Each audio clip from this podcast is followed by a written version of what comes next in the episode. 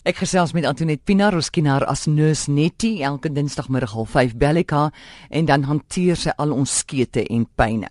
Antoinette vandag 'n bietjie van 'n anderste program. Ek moet sê dit was nogal 'n onstuimige jaar vir die land gewees, né? Ja, amore, dit was mos nou die jaar, die jaar van die Haanslam ram. Nou 'n Haanslam is fantastiese ding as jy hom grootmaak. Hy's pragtig. Jy raak so lief vir hom, maar 'n ram is nou 'n ander ding as sy brul nou wakker word mm. en sy testosteroon staan op, dan raak hy gevaarlik. So die jaar was 'n jaar van intense vreugde wat jy nou het met so 'n haanslammetjie en ook intense krisisse as die haanslam ram nou groot is en elke nou en dan stamp hy jou onderste boom met jou kop in die krib. So dit was 'n jaar van uiterstes en ek dink ons moes baie fyn balanseer om te kon staande bly dit het voel vir my so dis as 'n mens in die see is en dis een brander op die ander. En nou veral hierdie laaste tyd met die vreeslike skommelinge in die politiek en mense is moedeloos en daar's 'n soort wanhoop onder uh, mense. En so kom ek verlede week op 'n artikel af wat 'n wonderlike vrou Clarissa Pinkola Estes geskryf het. Sy het jare gelede daai wonderlike boek Women Who Run with Wolves geskryf Sy sê we were made for these times.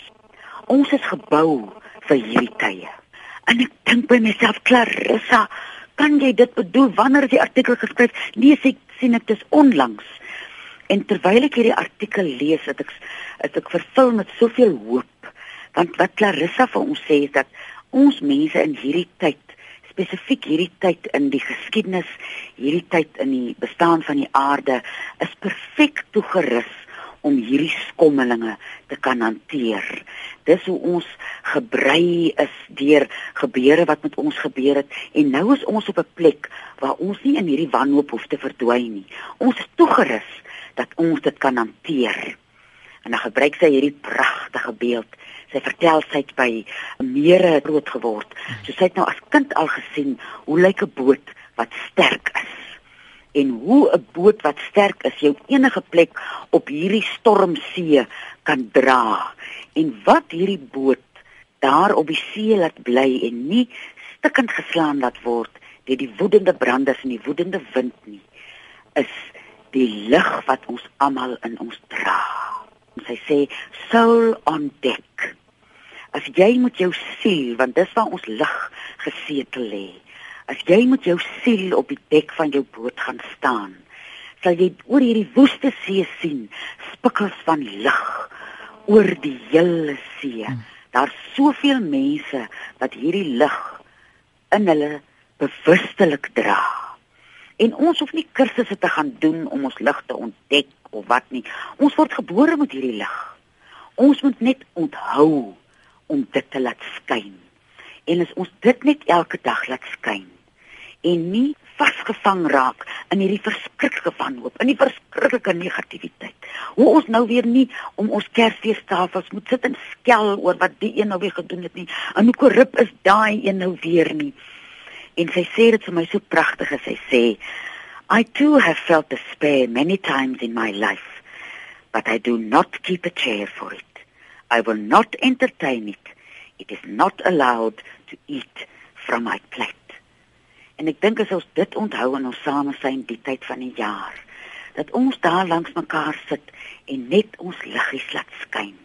In die begin toe oom Johannes my begin leer het te sê vir my juffrou, staan net elke dag op en skoffel juffrou se pad. En as jy jou pad skoffel, dan jy nie veel te skinder oor ander mense se paaie of veroordeel teenoor ander mense nie. Jou lig skyn daar op die pad wat jy skoffel. En wat as ons om hierdie tafel langs mekaar sit, kan ons net daar sit en ons lig vir mekaar wys. En in daai lig is daar die genade. En sy praat hiervan as jy nie toegegooi word onder die wanhoop nie en lewe in hoop. Hmm. Dan weet ons almal, ons almal weet jy hoef nie kursus daaroor te doen nie dat jy op die aarde is om iets te doen. Jy sê mos altyd 'n mens is kronies moeg as jy nie op jou pad is nie. En wie ek het dit nie in die begin verstaan nie. Dit het my ook 'n leeftyd gevat om te verstaan en om uit te vind wat is my pad? En toe besef ek maar dit is is my passies, dis waarvan ek baie hou. die dinge wat my lewend laat voel. En dit was soos 'n anker in my lewe toe ek dit geklik het. En vandat ek dit ontdek het, kan die wêreld maar omstuimig wees om my. Ek meen, heng man, ek kan mos nie elke keer as die petrolprys sak of styg saam met dit gesleer word nie of wie die finansminister is of nie. Ek meen, as jy jouself moet oorgee vir al daai goed, dan gaan jy gedaan wees.